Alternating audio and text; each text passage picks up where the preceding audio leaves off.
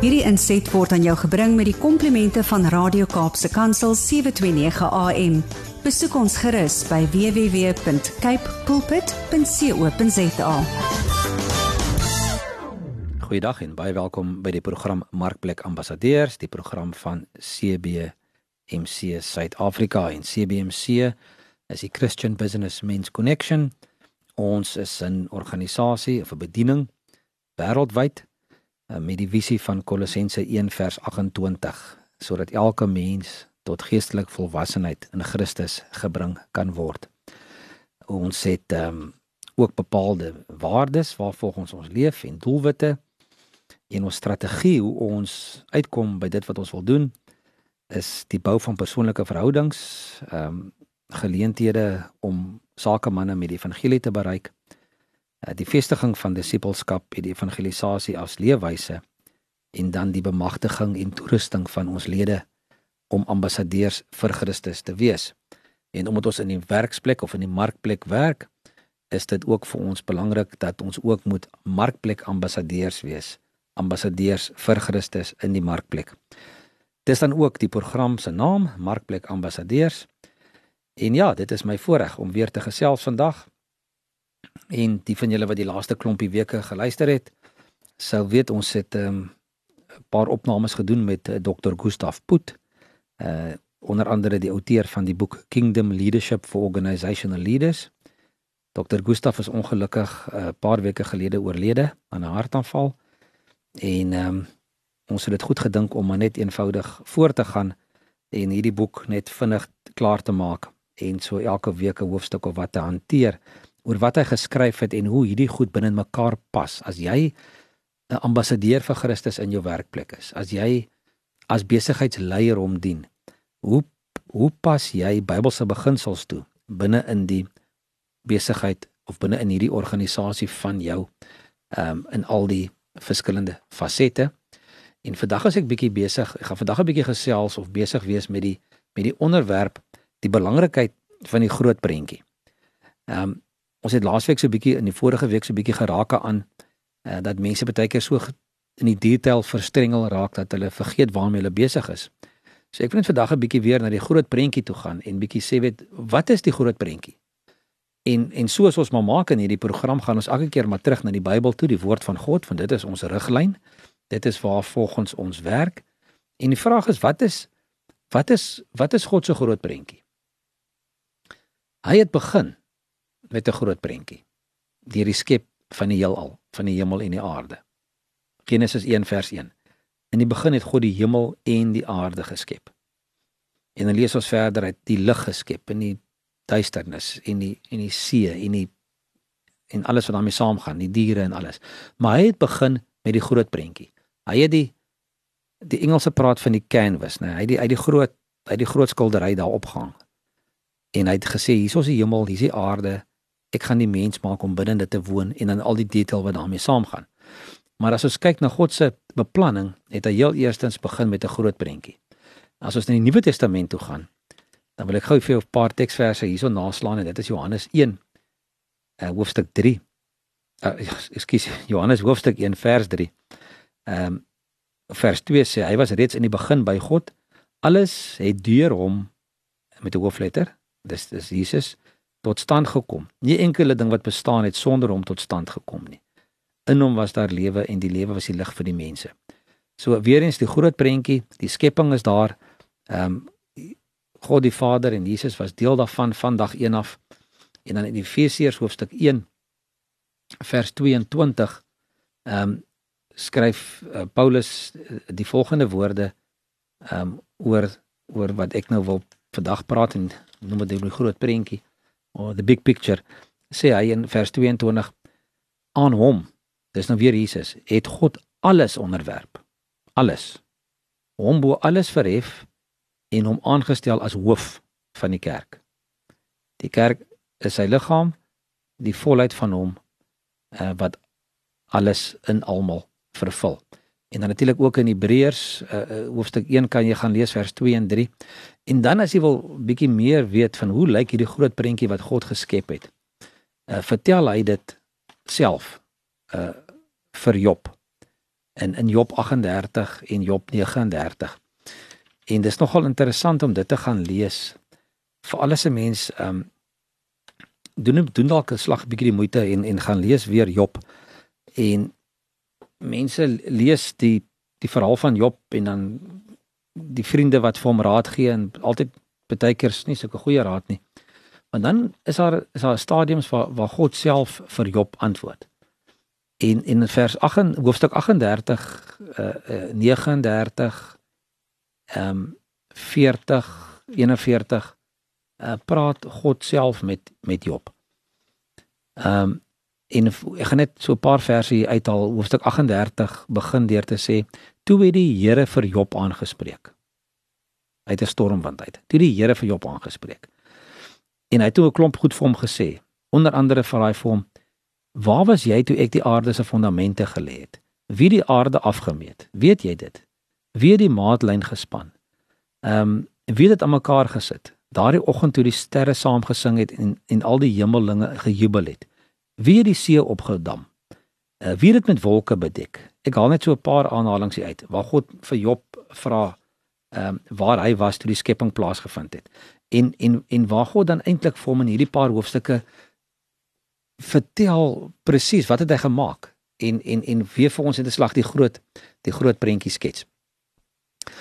Organisasies en besighede en jy as besigheidseienaar wat vandag luister, se besigheid ehm um, behoort eintlik soos die menslike liggaam saam te werk. Uh, ons lees in uh, 1 Korintiërs 12 en Romeine 12 weer eens van die van die groot prentjie. Jy lees van die liggaam wat bestaan uit verskillende ledemate en natuurlik ook die liggaam, die Christus liggaam van die van Christus, die kerk wat verstaan het bestaan uit verskillende lidmate, verskillende lede wat elkeen sy eie rol het om te speel. Maar binne in jou besigheid. As jy gaan kyk na Romeine uh, 12 en 1 Korintiërs hoofstuk 12, word daar gereeld word daar gepraat van die verskillende dele wat bymekaar pas. Elkeen weet presies wat hy moet doen afsonderlik. Maar tog maak alles deel uit van hierdie groter geheel. Van hierdie groot prentjie wat God geskep het. So binne in jou besigheid is dit belangrik dat elkeen presies sy funksie moet verstaan. Die oog moet kyk en die voet moet loop en en die dinge. Dit dit gebeur presies op sy plek. Maar dit is nie onafhanklik van die res nie. Ehm um, daar moet 'n bewustheid wees binne in jou binne in jou besigheid, binne in jou organisasie. Daar moet 'n verstaan wees van die onderskeie komponente ehm uh, en afdelings dat elkeen al is hulle verskillend dat hulle ten volle uh, uh, sal verstaan dat hulle moet saamwerk vir 'n groter geheel. Ehm um, anders gaan die organisasie nie effektief wees nie. En Paulus beskryf daar in 1 Korintiërs hoofstuk 12 van vers 15 tot 21. Dan sê hy die volgende woorde. Hy sê as die voet sou sê omdat ek nie hand is nie, is ek nie deel van die liggaam nie. Hy hou nie op om hierdie rede om deel van die liggaam te wees nie. En as die oor sou sê omdat ek nie 'n oog is nie, is ek nie deel van die liggaam nie, hou hy om die rede ewenigs ook nie op om deel van die liggaam te wees nie. As die hele liggaam oog was, hoe sou hy kon hoor? As die hele liggaam oor was, hoe sou hy kon ruik? Maar nou het God die lede elkeen van hulle afsonderlik in die liggaam gevoeg soos hy dit wou hê. So God het dit saamgestel soos hy dit wou hê. Dit is hoe hy die liggaam van Christus saamstel, dis hoe hy jou jou eie liggaam saamgestel het. En as jy sê dat jou besigheid aan God behoort, dan moet jy ook glo dat God ook jou besigheid saamstel. En hoe is daai liggaam? Hoe is daai groot prentjie saamgestel? En hoe moet elkeen van jou mense binne in jou besigheid ook sy rol uitleef? maar ook die die taak wat hy het om te verrig verstaan binne in die konteks binne in die groter prentjie. Nou mense het vir my gevra, weet wat is die maklike manier om hierdie hele storie van 'n groot prentjie in 'n konteks te verstaan?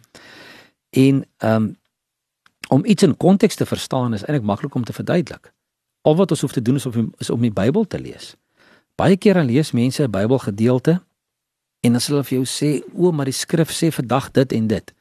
en dan is dit totaal en al uit konteks uit aangehaal en dit pas glad nie in die gedeelte waarvoor dit waar dit geskryf is nie. En dis waarvoor ons ook baie versigtig wees wanneer ons kom by die woord van die Here is om ons om die is om te lees in konteks. En en die Bybel verklaar homself. So baie keer as jy gedeelte lees en nie verstaan nie, gaan lees maar net die res van die hoofstuk of gaan lees die hele boek of brief om te verstaan waar dit inpas binne in die groter geheel en wat se wat God se plan was met daardie skrifgedeelte wat hy ook vir ons in die woord gegee het. So om terug te kom na die na die na die organisasie. Ehm um, elkeen moet verstaan waar hy deel is daarvan en en waar hy ehm um, sy funksie moet uitoefen tot tot opbou van die hele liggaam. Efesiërs 4 vers 16. Ehm um, verduidelik natuurlik dit baie mooi waar Efesiërs 4 vers uh, praat ook van die van die liggaam ehm um, waar almal saamwerk om om om mekaar te op te bou en te groei en ek gaan sommer net vinnig daar lees. Ehm um, vers vers 11 praat van die gawes wat hy gegee het apostels, profete, evangeliste, herders, leraars. Sy doel daarmee was om die gelowiges toe te rus vir hulle diens en vir die opbou van die liggaam van Christus. Dan staan daar so sal ons uiteindelik almal kom tot die werklike eenheid in ons geloof en in kennis van die seun van God. Dan sal ons sy kerk soos 'n volgroeide mens wees, volmaak en volwasse soos Christus. Dan sal ons nie meer kinders wees nie. Ons sal nie meer soos golwe op en af en heen en weer geslinger word deur elke wind van dwaalleer en vals leraars. Ons moet hulle slinksheid en listigheid op sy dwaalweë wil wegvoer nie. Nee, ons sal in liefde by die waarheid bly en so in alle opsigte groei na Christus toe. Hy is immers die hoof en uit hom groei die hele liggaam. Die verskillende liggaamsdele pas by mekaar en vorm saam 'n eenheid. Elkeen van van hulle vervul sy funksie en so bou die liggaam homself op in liefde. So jy as Christen besigheidseienaar, as ambassadeur vir Christus daar in die markplek moet ook hierdie boodskap aan jou besigheid aan jou werknemers oordra om te sê soos wat die liggaam aan mekaar gewewe is en elkeen 'n rol het om te speel elke ledemaat elke eh, liggaamsdeel so het Christus sy kerk gemaak sodat elkeen 'n rol het om te speel en so bestaan jou besigheid ook met verskillende mense binne-in elkeen om 'n rol om te speel um, binne in hierdie groter konteks Dit is ook belangrik natuurlik vir die verskillende liggaamsdele of jou verskillende personeellede of jou werkers om te weet waar na toe die organisasie op pad is. Want hulle hulle moet duidelik weet wat die groot prentjie is en wat is hierdie organisasie van ons se doelwitte en se doelstellings. En dan natuurlik daarmee saam die die strategie wat baie belangrik is eh, wat dat dat hulle almal weet wat, wat is die beginpunt, wat is die eindpunt en hoe gaan ons daar uitkom. En dan natuurlik die uitvoering daarvan, hè. Hoe voer ons hierdie plan uit? Hoe maak ons dat hierdie strategie kan gebeur? Hoe hoe gebeur hierdie hoe word hierdie strategie tot uitvoer gebring? Met ander woorde, wat is die die hoe ehm um, van my besigheid? Ehm um, binne in die groot prentjie en binne in die groot konteks sal die persoon verstaan hoekom hy sy werk moet doen, die die why en dan binne in die strategie sal hy verstaan hoe hy dit moet doen sodat ons almal by dieselfde uiteinde kan uitkom. En dan natuurlik Dr. Gustav Put gebruik gebruik hierdie woorde baie en hy sê the primary role of the organizational leader is to lead the followers forward in line with the strategic intent of the organization. So jy as leier van jou besigheid se enigste taak is of se belangrikste taak is om jou mense en jou werkers te lei vorentoe in lyn met of in belyding met die organisasie se strategie en dit wat hy graag sou wil bereik. En dan ehm um, natuurlik belangrik om ook die die groot prentjie te verstaan ehm um, binne in dit alles en hier wil ek net ehm um, vinnig 'n storieetjie vertel van van 'n groot prentjie en en wat wat Dr. Gustaf hier in sy boek ehm um, vir ons meedeel en is 'n baie interessante interessante ding wat hy vir ons hier skryf. Hy skryf dat hy op 'n stadium betrokke was in 'n baie groot organisasie om hulle te help om bietjie ehm um, 'n strategie reg te kry.